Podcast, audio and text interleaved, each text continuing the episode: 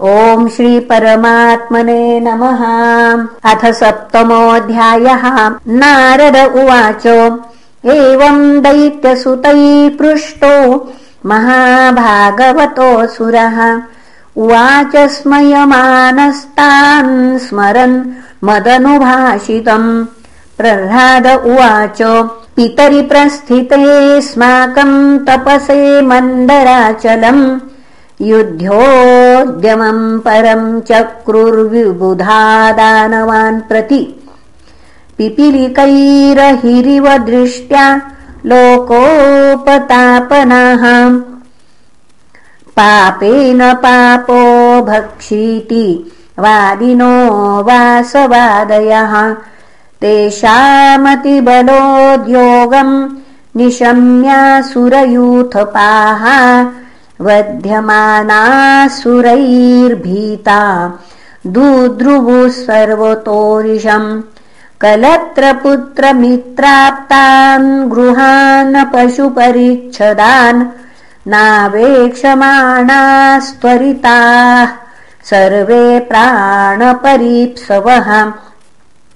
व्यलुम्पन् राजशिबिरममराजयकाङ्क्षिणः इन्द्रस्तु राजमहिषीम् मातरम् मम चाग्रहीत। नीयमानाम् भयोद्विग्नाम् रुदतिम् कुररीमिव। यदृच्छया गतस्तत्र देवर्षिर्दर्द्रदृशे पथि। प्राहमयिनाम् सुरपते नेतुमर्हस्य नागसम् मुञ्च मुञ्च महाभाग सतीम् परपरिग्रहम्। इन्द्र उवाच आस्तेष्या जठरे वीर्यमविषय्याम् सुरद्विषः आस्यताम् यावत्प्रसवम् मोक्षेऽर्थपदवीम् गतः।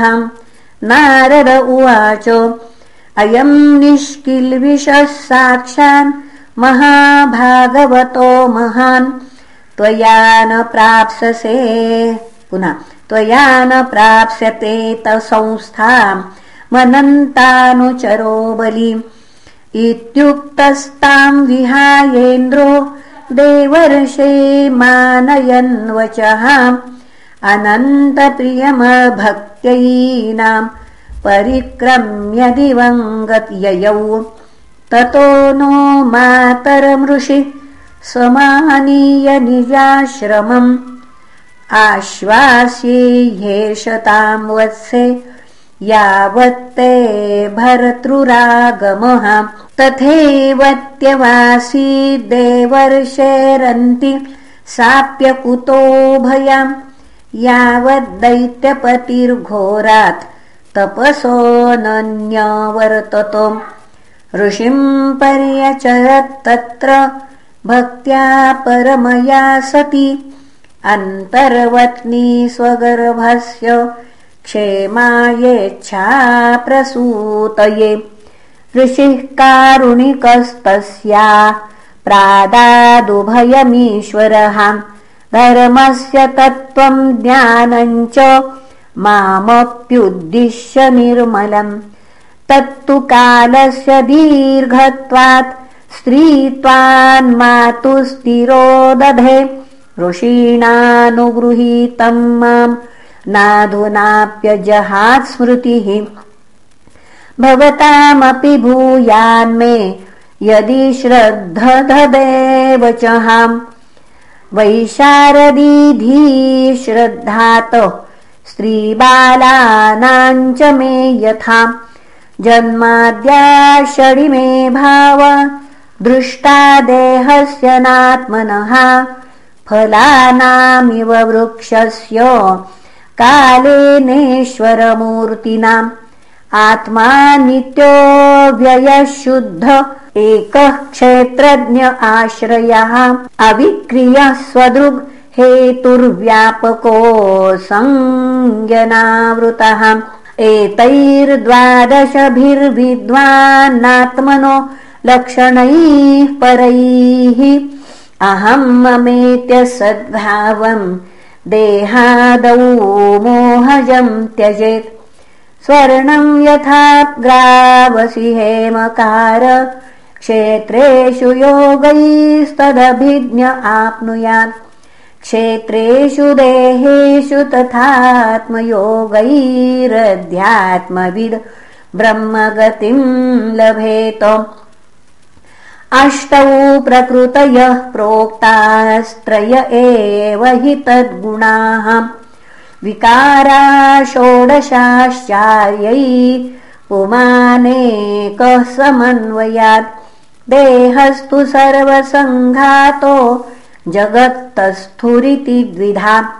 अत्रैव मृग्यः पुरुषो नेति नेतीत्यतत्यजन् अन्वयव्यतिरेकेण विवेकेनोशतात्मना सर्गस्थानसमाम्नायैर्विमृशद्भिरसत्वरैः बुद्धेर्जागरणम् स्वप्न सुषुप्तिरिति वृत्तयः तायेनैवानुभूयन्ते सोऽध्यक्ष पुरुषः परः एभिस्त्रिवर्णैः पर्यस्तैर्बुद्धिभेदैः क्रियोद्भवैः स्वरूपमात्मनो बुद्धेद गन्धैर्वायुमिवान्वयात्। एतद्धारो हि संसारो। पुनः एतद्वारो हि संसारो। गुणकर्मनिबन्धनः अज्ञानमूलोपार्थोऽसि पुंसस्वप्न इवेश्यते तस्माद्भवद्भिः कर्तव्यम् कर्मणा त्रिगुणात्मनाम्। बीजनिर्हरणम् योग प्रवाहो परमोधियः। तत्रोपायसहस्राणामयम् भगवतोदितः यदीश्वरे भगवति यथायैरञ्जसारतिः गुरुशुश्रूषया भक्त्या सर्वलब्धार्पणेन च सङ्गेन साधुभक्तानामीश्वराराधनेन च। श्रद्धया तत्कथायाञ्च कीर्तनैर्गुणकर्मणाम् तत्पादाम्बुरुहध्यानात् तन्लिङ्गेक्षार्हणादिभिः। हरिः सर्वेषु भूतेषु भगवानास्त ईश्वरः इति भूतानि मनसा। कामैस्तैः साधु मानयेत्। एवम् निर्जितषड्वर्गैः क्रियते भक्तिरीश्वरे वासुदेवे भगवति यया संलभते रतिम्।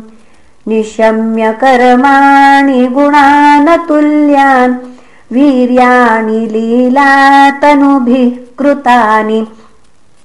यदातितर्हर्षोत् पुलकाश्रुगदगदम् प्रोत्कण्ठ उद्गायति रौति नृत्यति यदाग्रहग्रस्त इव क्वचिद्धसत्याक्रन्दते ध्यायति वन्दते जनम् मुहुश्वसन् वक्तिहरे जगत्पते नारायणेत्यात्ममतिर्गतत्रपः तदा पुमान्मुक्तसमस्तबन्धनस्तद्भाव वभावानुकृताशयाकृतिः निर्दग्धबीजानुशयो महीयसा। भक्तिप्रयोगेण समेत्यधोक्षजम् अधोक्षजालाम्भमिहाशुभात्मन शरीरिण संसृतिचक्रशातनम् तद्ब्रह्मनिर्वाणसुखम् विदुर्बुधास्ततो भज त्वम् हृदये हृदीश्वरम् कोतिप्रयासो सुरबालका हरे रूपासने स्वे हृदि छिद्रवत्सतः स्वस्यात्मनः सख्युरशेषदेहिनाम् सामान्यतः किम् विषयोपपादनैः रायः कलत्रम् पशव सुतादयो गृहामही कुञ्जरकोशभूतयः। सर्वेऽर्थकामाक्षणभङ्गुरायुष कुर्वन्ति मर्तस्य कियत्प्रियञ्चलाः एवं हि लोकाः क्रतुभिः कृता अमि क्षयिष्णवः सातिशयान निर्मलाः। तस्माददृष्टश्रुत दूषणम् परम् भक्त्यैकयेशम् भजतात्मलब्धये। यदध्यर्थेह कर्माणि विद्वन्मान्यसकृन्नरः। करोत्यतो विपर्यासममोघम् विन्दते फलम् सुखाय दुःखमोक्षाय सङ्कल्प इह कर्मिणः। सदाप्नुप्नोतीह या दुःखमनीहाया सुखावृतः। कामान् कामयते कामैर्यदर्थमिह पुरुषः। स वै देहस्तु पारक्यो भङ्गुरो यात्युपैति च किमु व्यवहितापत्यदारागारधनादयः राज्यम् कोशगजामात्य भृत्याक्ता ममतास्पदाः।